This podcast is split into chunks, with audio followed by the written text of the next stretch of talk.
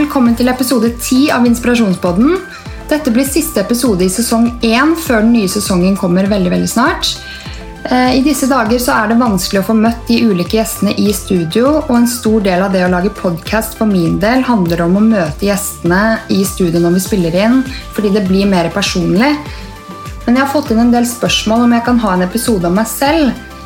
Eh, jeg var litt skeptisk til det i starten, men jeg tar utfordringen fordi jeg vet at jeg selv liker å høre om personen bak de ulike podene jeg hører på. Så jeg la ut en My Story her om dagen hvor dere kunne stille de spørsmålene dere lurer på, sånn at ikke jeg bare sitter og babler. Så jeg skal prøve å svare på de på en god og ærlig måte gjennom denne episoden. Og så håper jeg at du som lytter føler at du kjenner meg litt bedre i inngangen til sesong to når jeg skal ha med meg mange nye, inspirerende gjester. Nå har jeg satt sammen spørsmålene i ulike kategorier, så jeg tenker at jeg starter med kjærlighetsspørsmålene. Ehm, det er mange som lurte på hvordan Gard og jeg ble kjent, og hvordan vi ble et par. Så da må vi tilbake til 2001, da vi ble kjent. Fordi eh, Gard var på landslaget i svømming ehm, fra den tiden og helt fram til 2012. Og faren min tok over landslagstrenerstillingen i 2001 og er der fremdeles. Eh, men i alle disse årene så var jeg og mine søsken ofte med ham på jobbreiser til utlandet. Treningsleirer. Og da var jo Gard der, selvfølgelig. Jeg syns alltid Gard var veldig kjekk og sa det ofte til mamma og pappa. at å, Gard er så fin og... Men eh, det var jo ti år imellom oss, og det var liksom ikke noe jeg Eh, ja, det kunne jeg egentlig bare drømme om, da. Så jeg ble jo ikke kjent med Gard på det dypere nivået. Jeg var jo alltid ti år yngre enn han, men jeg var bare dattera til sjefen og kjente han på samme nivå som jeg kjente de andre svømmerne, da, for å si det sånn. Um, ja, og så gikk jo årene, og både Gard og jeg ble singel sommeren 2016. Um, og han kontaktet meg på Messenger vel i august. Um, og etter det så møttes vi vel i oktober, og ja Vi hadde veldig god fysisk kjemi fra starten av, det skal sies, men um, ja, vi, vi begynte å møtes fast én til to ganger i uka, og dette her foregikk faktisk et år um, uten at vi var eksklusive, da. Um, vi møtte fortsatt andre og flørta med andre, men det var alltid vi som kom tilbake til hverandre, og vi ville egentlig helst ikke vite hva den andre holdt på med. Det var like greit, men uh, så kommer det til et punkt da, hvor du har lyst til å um, vite hvor dere står, og for min del så kom det til et punkt hvor jeg måtte ta opp med han at det er helt greit hvis du har lyst til å være med andre, men da kan ikke jeg fortsette med dette her. Fordi ja, Kanskje det har noe med å gjøre at jeg er jente, jeg vet ikke, men eh, ja, du, du er ikke keen på å dele partneren din eh, for lenge med andre mennesker. Eh, så vi hadde en fin prat, og på slutten av sommeren der, sommeren 2017. Og da skulle jeg ganske snart dra til Zambia på utveksling med sykepleierstudiet i tre måneder. Eh, så de ukene før jeg dro til Zambia, så var jeg egentlig med Gard hver dag. Eh, jeg sov hos han hver dag, og vi dro opp til Geilo og fikk oss en fin helg der. Jeg ble enda bedre kjent, og det var veldig deilig å vite at nå er det oss to. Ja, altså Vi hadde ikke blitt sammen, men det var oss to. da, Vi, vi skulle ikke være med andre. Um, og så kom jo denne tiden hvor jeg faktisk skal dra til Zambia. Um, det var veldig tøft å reise ned der og ha så sterke følelser. I tillegg så var jeg vitne til veldig dårlig pasientbehandling over lang tid. Noe som preget meg og fikk frem egentlig et veldig stort sinne i meg. Ehm, fordi jeg visste at jeg som enkeltperson ikke kunne redde helsevesenet der nede. Men eh, ja, det er å gå over på noe annet. Eh, men det som overrasket meg, var at eh, Gard og jeg holdt kontakten hver eneste dag mens jeg var der nede. Um, og jeg reiste jo ned og visste ikke ok, eh, kommer vi til å ha kontakt? Hvor ofte kommer vi til å ha kontakt? Kommer han til å savne meg? Kommer jeg til å miste følelser, eller kommer de til å bli sterkere? Det var så mye spørsmål.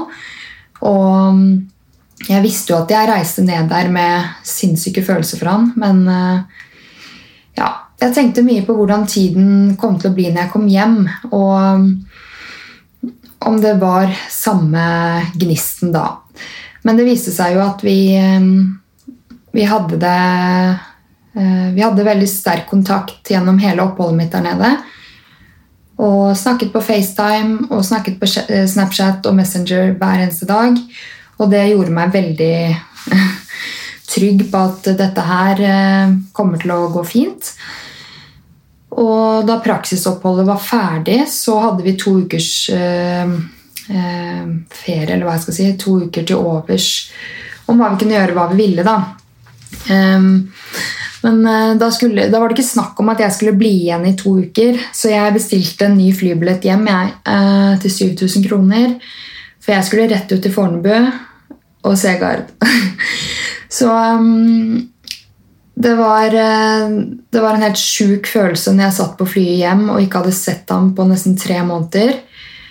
Um, og da jeg kom hjem, så var den fysiske kjemien selvfølgelig der og bare enda sterkere. Og ja, jeg var rett og slett lykkelig. Og vi var flinke til å finne på ting sammen. Jeg sov hos han hver dag. Eh, jeg studerte sykepleien på dette tidspunktet. Eh, vi dro også opp på Geilo og hadde en kjempefin helg hvor vi gikk eh, skiturer i både soloppgang og solnedgang, som jeg aldri kommer til å glemme. Den helgen har virkelig satt spor i meg. Mm. Og så var det sånn selv om ikke vi hadde satt et navn på hva vi var, så hintet han fram litt sånn Han ga meg nøkkel til leiligheten sin. Eh, eh, plutselig når jeg kom hjem til han etter å ha vært på skolen, så hadde han rydda plass til meg på badet, sånn at den halve vasken, eller ja, halve siden av vasken var min. Eh, han hadde rydda ut klær fra klesskapet sitt og gjort plass til mine klær. For jeg var jo sånn hver dag. og det var så deilig følelse å vite at ok, eh, nå begynner vi å nærme oss eh, Nå er vi jo basically sammen. Men fortsatt var jeg litt sånn Ok, hvor er, hvor er, det, hvor er det dette går hen, siden ikke vi eh, Nå har det snart gått ett og et halvt år siden vi begynte å chatte og hallo. Eh, eh, men jeg visste jo ikke at han hadde en plan om å spørre meg på nyttårsaften om vi skulle bli sammen. Um, men han spurte meg ikke klokken tolv. Han spurte meg på en litt søtere måte, faktisk. Uh, vi drev og forberedte oss til å dra i nyttårsmiddag. Uh, uh, og jeg sto i dusjen med sjampo i håret, og Gard spør har du lyst til å gå inn i det nye året som kjæresten min.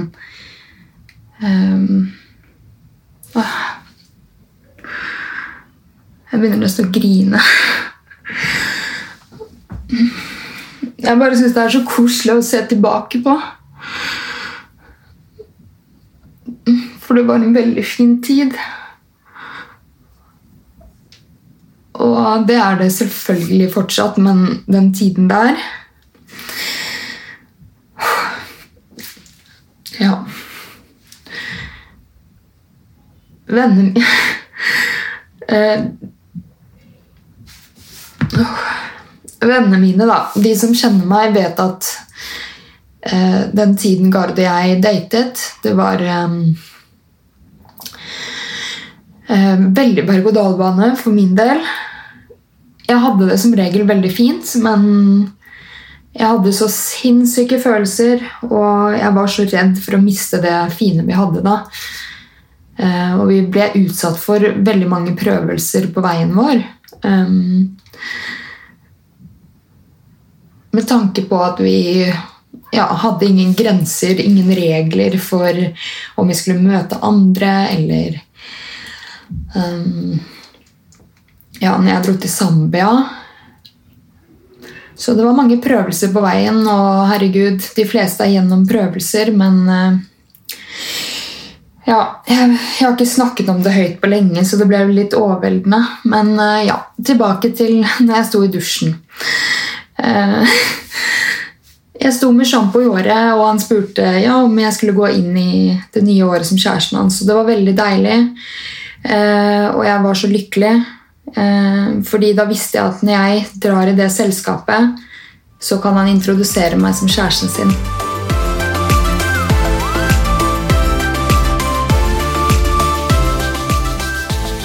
Neste spørsmål.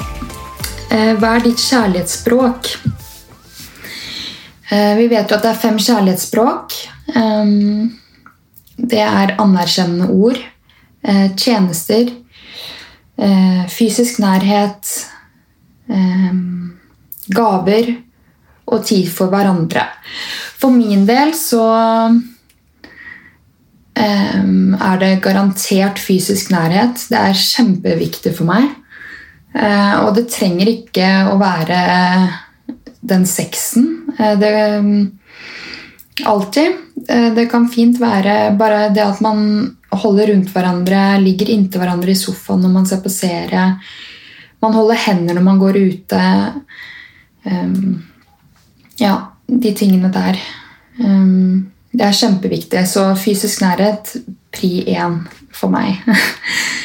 og så er det tid for hverandre. Det er kjempeviktig fordi um, Spesielt nå som vi har fått barn. Vi hadde mye tid til hverandre før, og vi har jo det fortsatt, men jeg er så redd for at uh, Plutselig så skal det gå et år, og så ser man tilbake og bare Shit, vi har faktisk ikke funnet på noen ting alene på et år. Vi, vi har ikke dratt på en date, vi har ikke gjort noe som helst. Da, så um, Og Storm må gjerne være med. Jeg elsker å være med Storm. Um, sønnen vår, altså.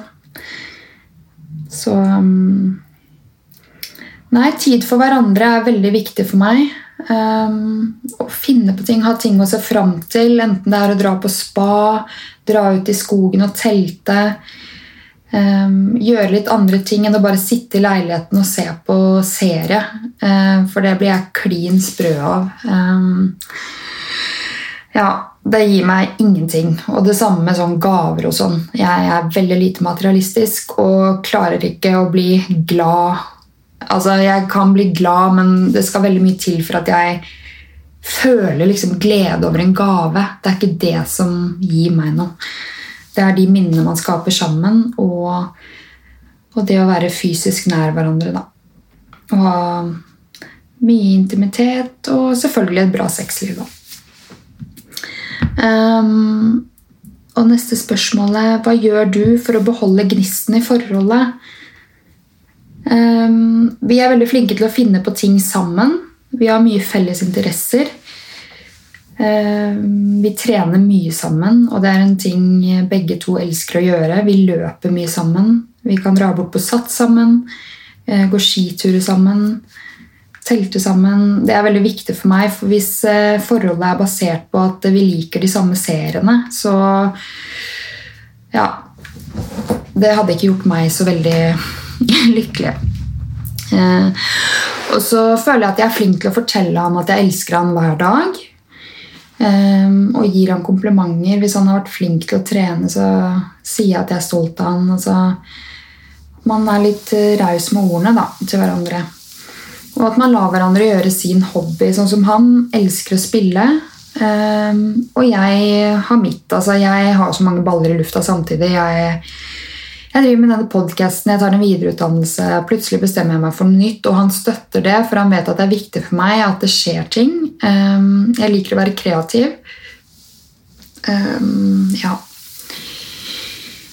Så jeg lar han spille, og han lar meg gjøre mitt. Ehm, han passer storm når jeg kjører inn til eh, studio i sentrum for å spille inn pod, f.eks. For, for han vet at det betyr mye for meg. Så det er viktig. Og så har jeg fått litt spørsmål om barn. Eh, om, storm, eller, ja, eh, om storm var planlagt. Eh, det var han absolutt. Eh, jeg tok ut spiralen min høsten 2018. og vi begynte egentlig å prøve med en gang. Eh, vi prøvde som kaniner. Nei da.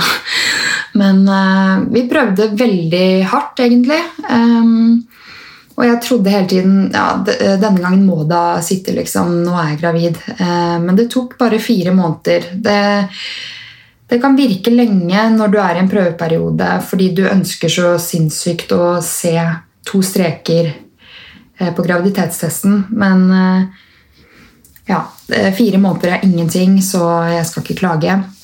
Eh, men det som skjedde, var at jeg spontanaborterte etter to måneder. Eh, og det var selvfølgelig kjempetøft, fordi jeg ble så glad da, da jeg var gravid. Um, fordi det var så sterkt ønsket. Og ja, jeg skjønte ikke hvorfor skjer det her, liksom. Men så fant jeg ut at dette er veldig vanlig, og jeg er sikker på at flere av dere som hører på, som har barn eller skal prøve, kommer til å være gjennom det eller har vært gjennom det. Eh, det er veldig tøft, men eh, vi fortsatte å prøve egentlig med en gang. Eh, da det gikk an å begynne å prøve igjen. Så jeg ble egentlig gravid to uker etter spontanaborten med Storm. Så Storm var planlagt og veldig sterkt ønsket. Hvordan var fødselen din? Eh, fødselen min var veldig fin. Altså Selvfølgelig, det er det vondeste jeg har vært gjennom i hele mitt liv. Og ja, det, Smertene kan ikke beskrives engang. Men eh, jeg syns det å dra på sykehuset Vannet gikk halv syv på morgenen. Jeg vekker Gard og sier du, nå har vannet gått. Og han reiser seg opp i sengen og bare yeah! Og bare den følelsen å vite at innen det neste døgnet så kommer vi til å være tre. Eh, så mm, da vi gikk opp og drakk morgenkaffen og eh, jeg gikk i dusjen og liksom Da følte jeg meg egentlig ganske sånn ja, fresh. Men eh, så begynte egentlig riene å komme veldig fort.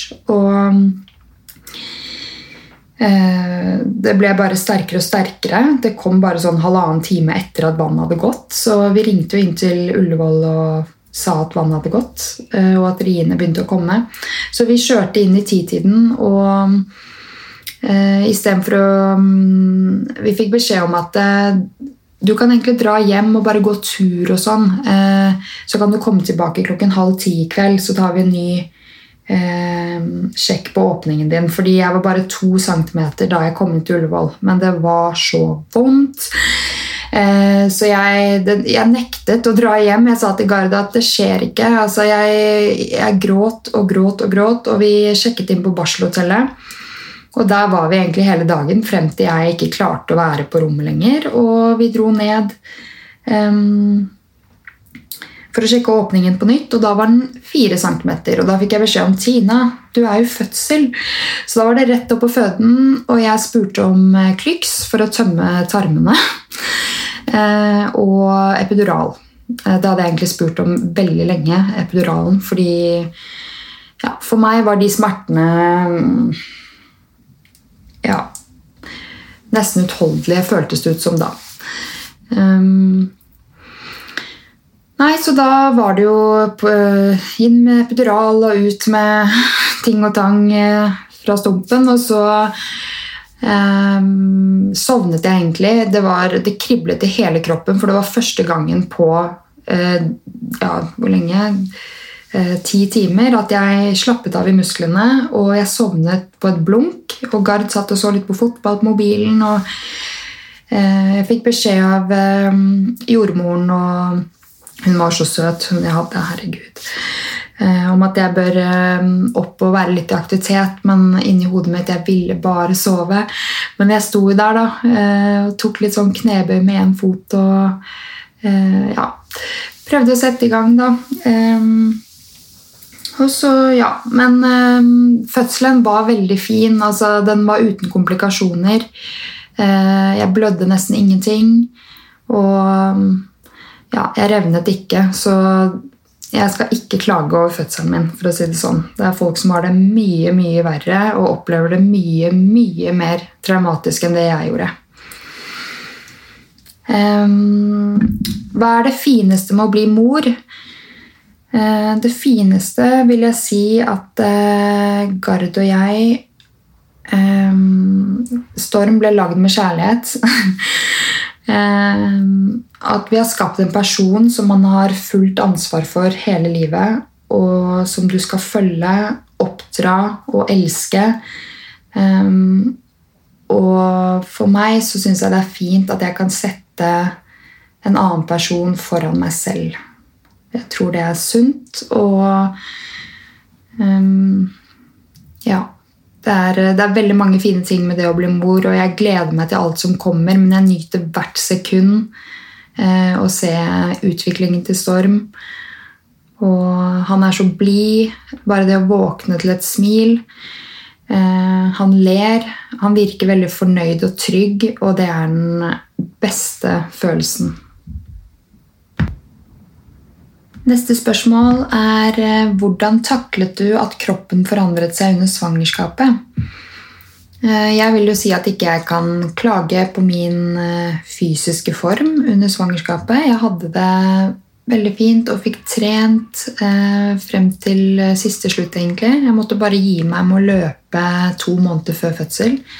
For da kjente jeg at jeg fikk veldig vondt i lyskene.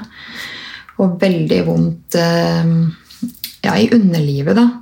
Det, presset veldig ned bare jeg um, gikk fort eller um, løp. Så, men eh, det var mye toppturer. Jeg og Gard dro på norgesferie Eh, på sommeren. Så både på Preikestolen og Skjæragbolten og eh, masse turer i Bergen og flere steder rundt omkring, da. Så nei, jeg eh, hadde det fint i svangerskapet med den fysiske formen. Og at kroppen forandrer seg, det syns jeg man skal takle både som seg selv, og at partneren også skal takle det på en fin måte. Da, fordi du bærer faktisk frem et menneske, og det er ikke til å kødde med. Liksom. Det, det, skjer mye i kroppen, og eh, man blir kanskje litt i hormonell ubalanse, da. Eh, det kunne jeg merke. Men eh, kroppen, den, eh, den, var jeg egentlig fornøyd med. Jeg var flink til å gi meg selv skryt sånn underveis for at jeg faktisk holdt meg fysisk aktiv. Og så er det et annet spørsmål. Har dere lyst på flere barn? Ja, det har vi. Vi har lyst på flere barn, og vi har jentenavnet klart i tilfelle det skulle bli en jente. Eh, og hvis det blir en gutt, så er det også helt greit. Da er vi litt usikre på hvilket guttenavn det blir. Men jentenavnet er 100% klart. Så det blir koselig når den tid kommer. Jeg tror vi venter litt med det. Så har jeg fått litt spørsmål om oppvekst. Kan du fortelle om barndommen din og viktige erfaringer du har tatt med deg? Ja, hvor skal jeg starte? Eh, vi er en familie på seks, da. Det kan jeg jo si. Vi, det er meg og Line storesøster, Marte lillesøster og Fredrik lillebror og mamma og pappa som fortsatt er gift. Ehm, jeg vil si at barndommen min var veldig trygg og fin. Eh, jeg fikk oppleve veldig mye, eh, spesielt fordi pappa hadde en jobb som krevde mye reising. Eh, så vi, Han hadde jo med i kontrakten sin i og med at vi var så små da han gikk inn i dette yrket, at, eller i denne jobben, at vi skulle få være med da, på jeg husker ikke om det var én eller to reiser i året. da. I tillegg til at vi også var på egne familieturer. Så vi reiste veldig mye. og Jeg tror ikke du skjønner som barn hvor heldig du er når du kan dra på fire sydenturer eller utenlandsreiser i året. Uh, men det er sånn du skjønner når du blir eldre. At uh, jeg var veldig heldig. Og, så vi fikk oppleve å se veldig mye rundt omkring i verden ganske tidlig. Um, mm, og, så var mamma og pappa veldig opptatt av at uh, vi måtte drive med en aktivitet. Det trengte ikke å være svømming bare fordi pappa var landslagstrener, men vi måtte drive med noe, for vi Det å liksom Eh, ikke ha noen ting å gå til og bare sitte hjemme eller eh, bli en som henger på bensinstasjonen. Det, det ville ikke de, for å si det sånn. Eh, og det er eh, noe jeg kommer til å ta med meg eh, i rollen som mor også. At eh, Storm skal få velge akkurat hva han har lyst til å drive med. Om han har lyst til å danse ballett, så er det helt greit. Men han skal ha noe å gå til, da. eh, som barn, eh, sånn at han opplever mestring. Og eh, jeg tror det er sunt å ha mennesker rundt deg og en ting er på skolen, men at du også har en aktivitet du kan gå til og møte andre mennesker og drive med enten lagsport eller ja, uh, noe som uh, gjør at du opplever mestring. Da. Det må jo ikke være lagsport, men ofte så er det jo inkludert andre mennesker når du driver med noe. Eh, jeg var veldig sånn eh, Jeg prøvde veldig mange ulike idretter. Jeg drev med svømming i mange år. Eh, jeg danset i mange år. Og jeg var veldig glad i teater. Um, så jeg var med i en oppsetning på Chateau Neuf og Sentrum Scene i 2004 og 2005. Annie. Annie 1 og Annie 2. Uh, det er en av mine beste barndomsminner, fordi jeg husker det som om det var i går. Det var, uh, det var en veldig fin opplevelse å dra på audition og være en av de 20 barna av rundt 3000-4000 på audition som ble plukket ut. Da, til å være med å spille en musikal med eh, store skuespillere og dra på turné rundt i Norge. Og, mm. Så det er en ting jeg husker veldig godt. Um, og så flyttet vi jo da fra barndomshjemmet eh, til Nordstrand eh, i 2006. Og da skjer det jo et miljøskifte, og du får deg nye venner. Eh, og da kjente jeg at det å på en måte drive og dra, dra på idrett etter skolen det var ikke så fristende. Jeg var 12-13 år på den tiden. Midt i, liksom, i starten av puberteten. Um, og noen av de vennene jeg fikk meg, drev jo ikke med idrett, så de hadde mye tid etter skolen. Og på den tiden så syntes jeg det var morsommere. Um, og henge etter skolen, hoppe på trampoline, bade i basseng i hagen uh, hvis noen hadde det. Altså de tingene der. Uh, og så var det liksom frem og tilbake med Ok, begynte jeg å danse litt igjen, og så begynte jeg litt bordar, og så sluttet jeg.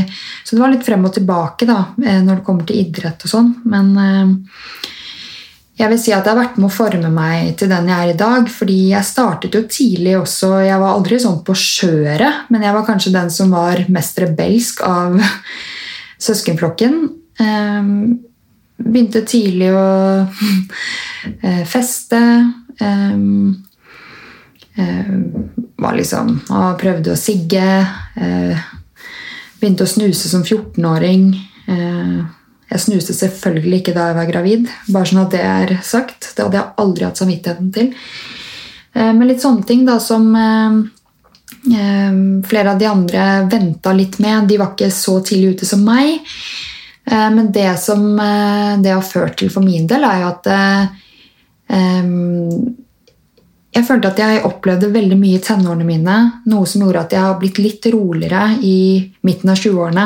For det er mange som kanskje tar igjen den perioden nå, eller eh, ja, eh, har et stort behov for å dra ut hver helg. Da, og det har ikke jeg. Da syns jeg det er hyggeligere å ha gjester over med god mat og drikke, liksom. Men den hardfylla og feste, feste, feste, den, det fikk jeg mye av i ungdomstiden og opp til 20-årene. Så det var sånn Ja. Jeg vet ikke helt om jeg svarte ordentlig på det spørsmålet. Eh, hvordan jeg var som barn, da. Ehm, jeg har alltid vært veldig kreativ og eh, Ja fra ung alder. Husker jeg samlet sammen hele nabolaget for eksempel, til å sitte rundt i stuen i barndomshjemmet for å ha skole med de. da. Så um, både lillebroren min og lillesøstera mi var ganske gode til å eh, både regne og lese når de begynte på skolen i første klasse. For da hadde jeg liksom eh, lekt meg litt som lærer hjemme eh, med de og med mange av de andre nabobarna. da. så jeg likte å ordne i stand og eh, hele tiden ha litt sånn småprosjekter. um, ja kommer kanskje tilbake til det hvis jeg kommer på noe mer. Det var litt sånn Hvor dypt skal man gå i barndommen? Altså Jeg har masse å fortelle, men jeg hadde en veldig fin barndom. Trygg barndom. Og vi er en veldig fin familie, da. Så det er jeg veldig takknemlig for. Eh, hvor var du i livet som 20-åring? Eh, ja, jeg, etter videregående, da jeg var 19, så begynte jeg å jobbe på sykehjem. Eh, og det gjorde noe med meg som person. Eh, det var Det var veldig spesielt å jobbe så tett på mennesker som har levd et langt liv, og som har bidratt så mye til samfunnet. Og jeg husker at jeg fikk veldig mestringsfølelse av å jobbe på sykehjem. Og mye av det tror jeg kommer av at jeg virkelig ønsket pasientene godt. Um, jeg, um, jeg, kunne bli veldig lei meg hvis pasienter gikk bort. Og eh, for meg var det viktig at eh, du tok deg tiden til pasientene, og ikke bare fokuserte på det typiske rutineopplegget med å gå på skyllerommet og Eh, kaste søppel. Og ja, du får tid til det i løpet av vakta, men um, jeg kjente der eh, Det var inngangen til hvorfor jeg valgte sykepleien. Fordi jeg har alltid visst at jeg liker å hjelpe mennesker, men uh, der følte jeg virkelig at jeg bidro til de eldres bedre, til en bedre hverdag. da. Uh, og, det på en måte, og jeg trivdes så godt at jeg tok veldig mange vakter at det nesten ble en 100% stilling, eh, selv om jeg ikke hadde 100% stilling. Eh, og det bidro til at jeg også tjente veldig godt, siden jeg fortsatt bodde hjemme. Eh, så jeg levde veldig nuet og dro på ganske fine reiser. Og så dro jeg tilbake igjen og jobbet masse igjen, tett, tett, tett. tett og og kunne dra ut på reise igjen. Var veldig spontan. Kunne plutselig dra til LA. Kunne plutselig dra til Thailand to ganger på to måneder. Eh, og dette var jo i 20-årene. Eh, 2021. Um, og det, jeg ser tilbake på den alderen som veldig fin, eh, for jeg levde skikkelig i nuet. Og koste meg. Og eh, var ikke så opptatt av å spare. Eh, for jeg, hvis man hele tiden skal tenke på å spare, spare, spare, spare, så ser du tilbake på eh, 20-årene og bare Nei, jeg, jeg, gjorde egentlig ikke så veldig mye fordi jeg jobbet, og så sparte jeg alt jeg hadde. Jeg syns det er viktig å, å, leve litt i nuet. Eh, og være her og nå. Og gjøre det som gjør deg godt. Um, ja. Så har jeg fått et spørsmål om um, uh, hva tror du har gjort deg til den personen du er i dag? Eh, det tror jeg er en blanding av arv og miljø og bare hvordan jeg eh, Hvilke valg jeg har tatt på min vei, da. Eh, kort forklart så kanskje jeg har fått temperamentet til pappa. Han, han, har et stort temperament, men han har også lært meg ekstremt mye. Både når det kommer til økonomi, Um, og han er veldig god å snakke med til, på sånne praktiske ting. Fordi han, um, han har litt sånn sidehobbyer ved siden av yrket sitt som landslagstrener. Uh, så han er glad i å lære bort litt sånn um, viktige ting man bør kunne da, her i livet. Ja, blant annet økonomi, da. og mamma, hun uh, hun er en dame som er på farta fra morgen til kveld, egentlig. Hun trener gjerne før jobb. Eh, hun jobber som tannlege. Eh, er på jobb hele dagen. Kanskje hun trener etter jobb. Altså, og så vasker hun klær. Og så, altså, dagen går i ett. Da. Eh, og jeg også har blitt sånn at jeg liker at det skjer ting. Jeg klarer ikke å liksom bare sitte i ro og nyte nyte en serie midt på dagen, f.eks., selv om jeg er i mammapermisjon. Eh, for jeg klarer ikke å føle Finne den roen da, til å bare sitte i ro. Jeg vet ikke om det er positivt eller negativt, men for meg så vet jeg at det som gjør meg glad, er at jeg kan At det skjer noe, at dagen har flere gjøremål. Hva gjør deg glad, bortsett fra mann, kid, trening og mat? Eh, gode samtaler gjør meg veldig glad. Eh, det trenger ikke å bare være med folk jeg kjenner godt. Eh, hvis jeg blir kjent med nye mennesker og har en fin samtale med de, så kan jeg bli veldig glad. Og jeg elsker også å bli kjent med nye mennesker. Man kan lære sykt mye av hverandre, og det er som jeg sier i teaseren til denne podkasten, at alle har noe å bidra med, og alle har noe å lære av hverandre. Og det, det står jeg 100% for. Eh, hvis man bare tar seg tiden til å bli kjent med en person, så er jeg sikker på at eh, man vil bli veldig overrasket over hva som eh, kan komme fram da, av positive sider hos enkeltmennesket. Og så er jeg veldig glad i å ha noe å se fram til. Enten det er en reise eller et prosjekt. Jeg er også litt drømmende. Jeg liker å se for meg at jeg skal klare f.eks. å starte noe for meg selv en dag. Eh, da kan jeg bli veldig giret og glad. Da. og så er jeg veldig glad i å starte dagen tidlig. Jeg er mest kreativ fra 6 til 12 på dagen. Så ja, det å nå skulle jeg ikke nevne trening, da, siden det vet vedkommende at jeg kanskje er glad i, men um, ja, starte dagen tidlig, um, lage kaffe, se litt på God morgen Norge, uh, gå meg en tur. Um, eller få trent, da. Uh, nå er jeg jo i mammaperm, men uh, mange ganger når jeg har vært i jobb, så har jeg trent før jobb. Og det er den beste følelsen, for da har du liksom kvelden med god samvittighet til å kose deg eh, uten å tenke på at du må bort på sats eller ut og løpe. For meg er det i hvert fall veldig viktig, da.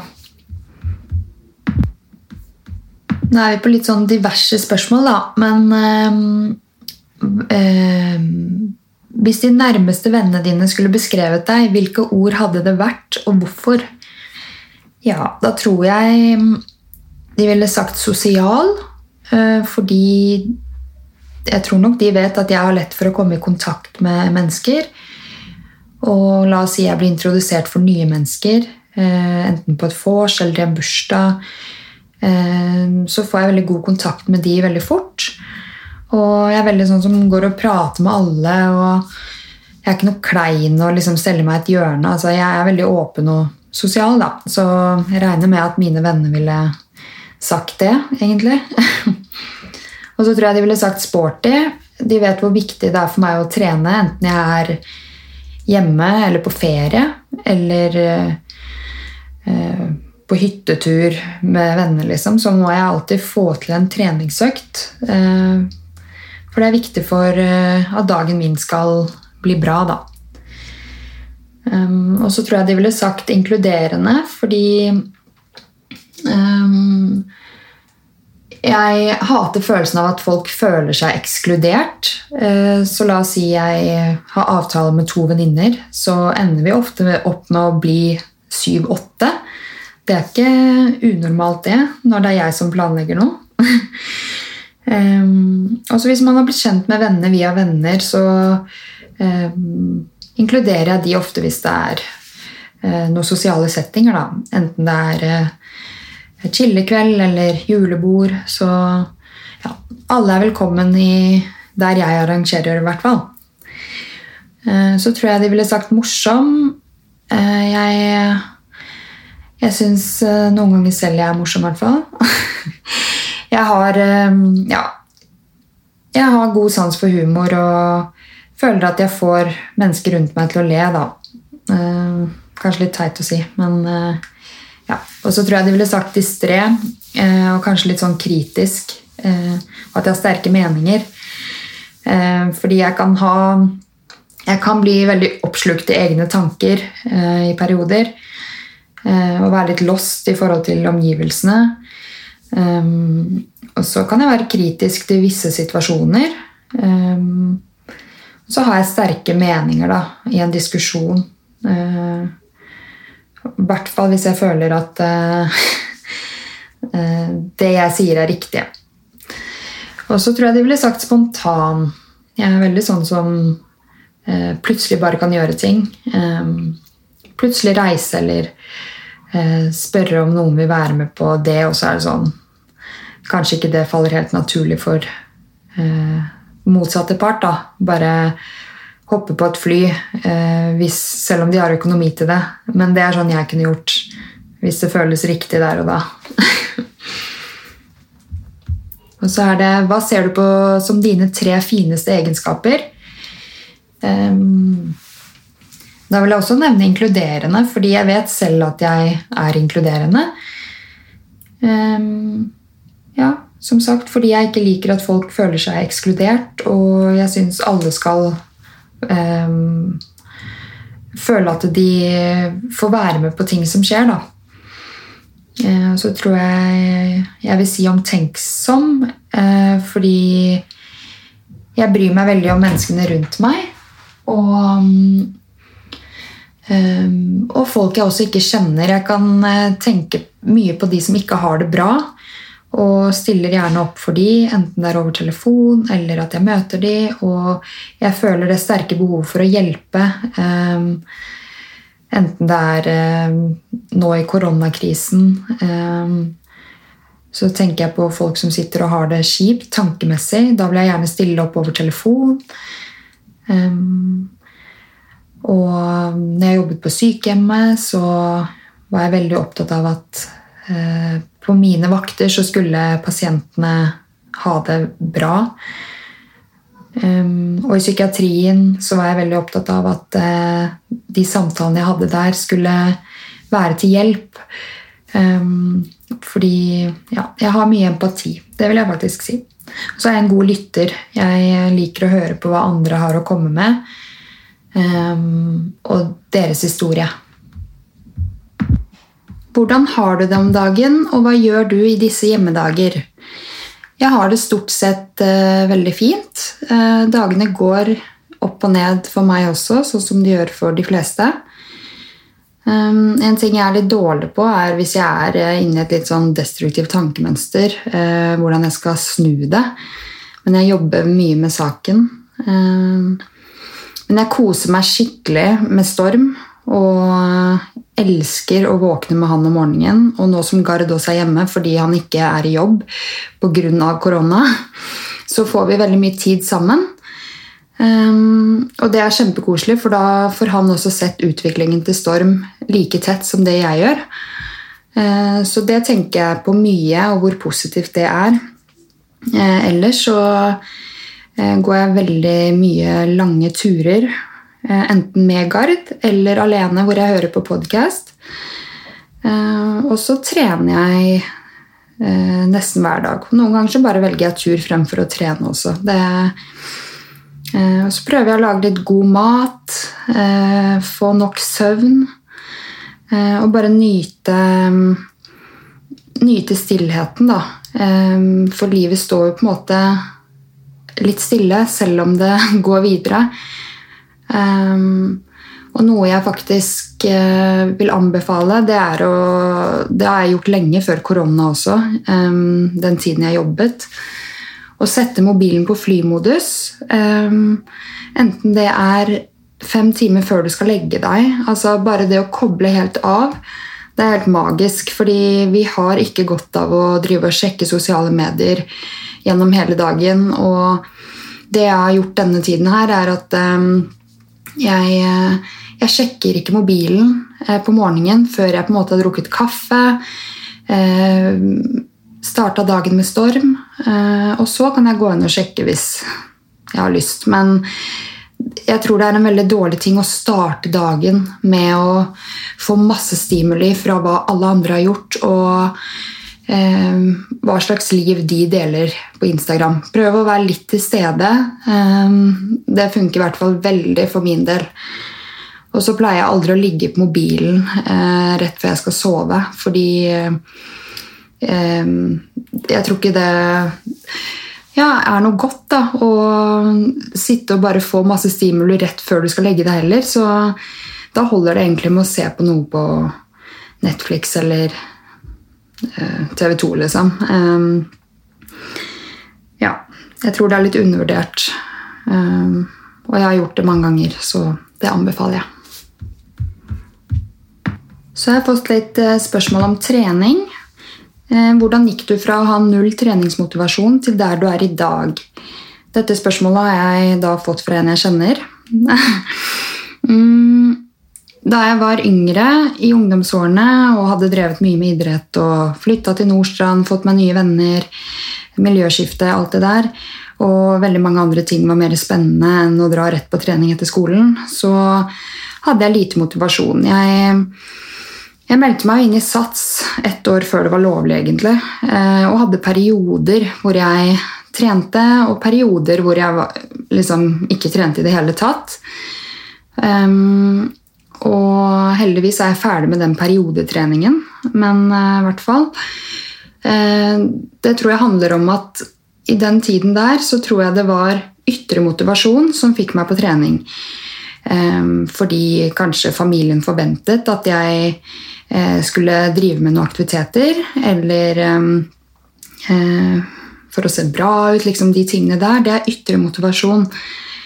Men eh, det er derfor jeg syns det er litt relevant å ta med det jeg snakket om tidligere i episoden om da jeg begynte å jobbe på sykehjem. Fordi på videregående så var jeg ikke noe Jeg hadde ingen rutiner. Jeg var ganske eh, Jeg var midt på treet i fag. Eh, og hadde ingen rutiner i livet sånn egentlig. Jeg gjorde det som falt meg inn. Men da jeg virkelig begynte å jobbe Jeg hadde jo jobbet eh, som svømmeinstruktør to ganger i uka i fire år, og det var kjempefint. Men da jeg begynte å jobbe på sykehjemmet, så, og så ofte, så fikk det eh, skikkelig rutine i hverdagen. Jeg eh, dro på jobb nesten hver eneste dag. Eh, og i tillegg så begynte jeg eh, å trene regelmessig igjen. Um, og det å på en måte ja, ha jobb og trening eh, Når du gjør det lenge nok, så blir det en rutine. Enkelt og greit. Og um, da ble det på en måte eh, noe som etter hvert ble en indre motivasjon for meg. Å få tilbake den gleden ved å trene fordi eh, jeg kjente hvor mye det ga meg. Eh, det hjalp på psyken. Eh, jeg ble i bedre humør. Åh, det er så mye man kan ramse opp, men eh, Det å på en måte ha rutiner i hverdagen og da legge inn trening også Du trenger ikke å trene drithardt. Altså bare start et sted, og så, og så etter hvert så kommer du til å kjenne at dette er noe du må gjøre regelmessig, kanskje hver dag, eh, for at du skal ha en god dag. Og det er der jeg er i dag. At trening er noe jeg trenger eh, for at jeg skal være et godt menneske mot de rundt meg. Eh, for at jeg skal ha et godt humør, være en god mor, prestere på skolen og få en lettere syke. Da. Så enkelt og greit så er det egentlig derfor jeg er der jeg er i dag når det kommer til at trening er en så stor del av livet mitt. Da. Hva er dine trenings- og matrutiner? Eh, jeg kan gå på treninga først. da. Jeg har egentlig ingen rutiner på når jeg trener, selv om jeg Eh, får det til eh, så å si hver dag. Men det å på en måte se på mulighetene, da, la oss si um, Da jeg jobbet um, turnus og jobbet både dag og kveld um, på Lovisenberg sykehus f.eks., uh, så var det ikke alltid at jeg orket å trene, dra på sats, hvis jeg hadde hatt en dagvakt. Da. Men da valgte jeg heller å sykle til jobb og sykle hjem fra jobb. Um, noe som også er en trening. Um, og Eller hvis du er på ferie, at du, du, starter dagen med en liten økt. Enten å løpe på stranda hvis du er i Syden, eller se på hva slags muligheter hotellet har. Har de et treningsrom? Fordi For meg så blir ferien mye mye bedre hvis jeg har svetta litt først, enn å legge meg rett ned på solsenga og ligge og steke. Um, sånn funker det for meg i hvert fall. Og, men um, jeg er veldig glad i å trene mellom seks og tolv på dagen. Um, jeg er ikke glad i å trene på kvelden. Så sånn sett så har jeg en rutine at det gjerne skjer uh, tidlig på dagen, da. Når det kommer til matrutiner, så har jeg heller ingen spesielle rutiner. Men eh, jeg er veldig glad i å starte dagen med kaffe. Det gjør jeg alltid. Svart kaffe. Og så eh, er jeg glad i å lage meg en smoothie eh, fremfor en tung brødskive, liksom. Så smoothie og kaffe er liksom Det har det vært i mange år. Min hovedfrokost. Eh, og så er jeg glad i å variere på om vi spiser eh, kjøtt, fisk eh, Og noen ganger et helt kjøttfritt måltid, kanskje én eller to ganger i uken. Og prøve å lage litt nye retter og ikke bare holde seg på det faste. For det var en periode Garde jeg liksom varierte mellom fem retter, og det kan bli litt kjedelig i lengden. Så det er viktig å variere litt i matveien også, men jeg har ingen faste rutiner der, altså. Så er det litt sånn diverse spørsmål igjen. Eh, hva ser du på som dine privilegier? Eh, det er at jeg har en familie, mamma, pappa og søsken, som jeg har veldig godt forhold til. Vi er veldig gode venner og kan snakke om alt. Selvfølgelig, i alle familier så er det ikke bare rosenrødt, men eh, i bunn og grunn så eh, er det veldig mye kjærlighet og ja, eh, godt forhold. Så det er jeg veldig takknemlig for. For jeg vet at det er, det er ikke alle som har godt forhold med søsknene sine, og det er veldig trist. Ehm, for man er egentlig veldig heldig hvis man vokser opp med en bror eller søster. Og så er jeg selvfølgelig føler jeg meg veldig heldig som har Storm. Han har blitt det viktigste i livet mitt.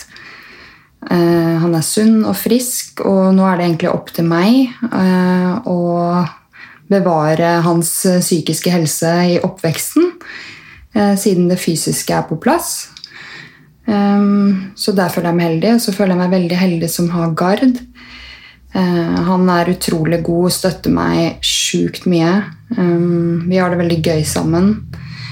Uh, krangler lite. Det er veldig sånn uproblematisk. Vi har våre diskusjoner og eh, ting å jobbe med, vi også, men eh, kjernen i forholdet vårt er sykt bra. Og jeg har ikke opplevd det på denne måten før. Så det er egentlig de tre tingene jeg vil ramse opp. Jo, også at jeg har en sunn kropp som har muligheten til å eh, gjøre hva den vil. Og at jeg har en god syke. Selv om ting går opp og ned i psyken min nå, så, så er jeg frisk. Hva er din drømmejobb? Eh, jeg klarer ikke å svare helt på hva min drømmejobb er i dag, men jeg vet at jeg må ha et yrke hvor jeg kan hjelpe andre. Um, og et kreativt yrke, helst. Jeg er utdanna sykepleier, og jeg elsker å ha det i bunn. Men det er mye man kan gjøre, og jeg er ikke lagd for en A4-jobb. Eh, det er mange ting å ta hensyn til når du har utdannet deg til sykepleier. Og jeg har funnet ut at uh, turnus dag, natt og kveld, det er ikke for meg. Og, så har jeg jobbet mye opp i kriser, noe som har gått utover min egen syke. Så det å kanskje jobbe med noe oppløftende fremfor å stå midt oppe i krisen, det tror jeg hadde passet meg midt i blinket. Og så har jeg alltid hatt en liten sånn skuespillerdrøm i meg fra jeg var liten. Eh, eller noen sånn programleder. Så vi får se. Men det viktigste er for meg, eh, enten jeg skal starte for meg selv i fremtiden, eller eh, gå til eh, en kommunal jobb med kolleger og sånne ting. At eh, det er bra arbeidsmiljø. Fordi jeg har lyst på en jobb hvor jeg kan glede meg hver dag, og hvor kollegaene løfter hverandre opp og ikke drar hverandre ned. Hvor er det fineste reisemålet du har vært? Jeg har vært veldig mange steder rundt i verden, men jeg har blitt veldig tilhenger av å reise rundt i eget land, fordi Norge har så sykt mye fin natur, og jeg elsker å være i naturen. Så jeg har lyst til å bare nevne en reise jeg var på med en av mine beste venner, Monica, i Lofoten i 2017. Det var første gang jeg var der. Jeg har vært der med Gard også i 2018. Men um, det var en helt sjuk opplevelse, fordi vi reiste til Lofoten uten å egentlig ha booka bil og uten å ha noe sted å bo, og ikke hadde vi med oss telt. Og i Lofoten er det dritdyrt i sesong og både leie bil og bo. Så da vi kom frem til Lofoten sent på kvelden, så var det én kansellering på en bil som vi var så heldige å få låne billig i fem dager. Og vi kjørte rundt i Lofoten og ringte på dører og spurte folk om å sove hos de. Eh, og mm, vi endte faktisk med den uka der å bo i tre forskjellige hjem. Eh, jeg kunne snakket om dette lenge, men det er en av de fineste opplevelsene jeg har hatt. Fordi vi bodde gratis, vi leide bil kjempebillig. Og vi gikk syke toppturer, noen ganger to toppturer om dagen. Og hvis du ikke har vært i Lofoten, så anbefaler jeg det på det sterkeste. Altså Vi var så heldige med været. Det var kjempevarmt. Vi gikk i sports-BH hele dagen. Den utsikten eh, Nei, det var en syk opplevelse, så jeg vil faktisk nevne Lofoten som en av mine favorittreisemål. Bør prøves. Har du noen forbilder? Nei, jeg har faktisk ingen forbilder, og jeg har aldri vært en sånn person som har forbilder. At jeg har lyst til å være som eh, hun eller han eller Jeg vil egentlig si at jeg alltid har vært trygg i meg selv og eh, er fornøyd med den jeg er. Og jeg kunne faktisk ikke ønske at jeg var noen andre. Men eh, å bli inspirert av andre mennesker, det blir jeg. Og det er gjerne mennesker som får til noe og følger drømmene sine. Det syns jeg er superinspirerende. Kan du fortelle oss om dine fremtidsplaner? Eh, nå syns jeg koronatiden egentlig viser oss alle at det er vanskelig å vise, eh, altså vite hva som kommer rundt neste sving. Eh, jeg regner med at ikke bare jeg hadde mange planer for 2020 som ikke blir noe av. Planen var egentlig disse dager å være på et superfint hotell på Gran Canaria med Storm og Gard, men den reisen er selvfølgelig avlyst. Um, men hvis jeg skal Når dette har roet seg og hverdagen, normale hverdagen er tilbake, så håper jeg en gang i fremtiden at uh, Gard og jeg og Storm uh, kan uh, leie ut leiligheten og ta oss en skikkelig reise rundt i verden. og bare leve litt i nuet, og ikke bare inni de faste rammene. Um, og det vet jeg at Gard er positiv til, så det er jeg kjempeglad for. Eh, og bortsett fra det så har jeg også et indre ønske om å skape noe eget en dag. Så vi får se. Da har jeg prøvd å svare så godt jeg kan på mange av spørsmålene som kom inn, og jeg håper at du som lytter føler at du kjenner meg litt bedre nå. Og så blir jeg veldig glad hvis du går inn i iTunes og rater podkasten, eller legger igjen noen stjerner hvis du syns den fortjener det. Så håper jeg selvfølgelig at du fortsetter å lytte til Inspirasjonspodden når sesong to kommer veldig, veldig snart. Tusen hjertelig takk for at du hørte på, så snakkes vi snart igjen.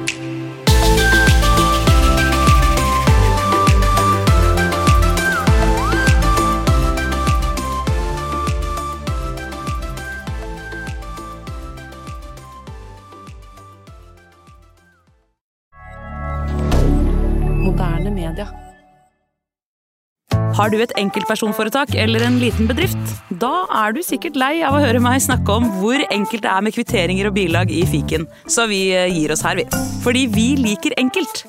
Fiken superenkelt regnskap.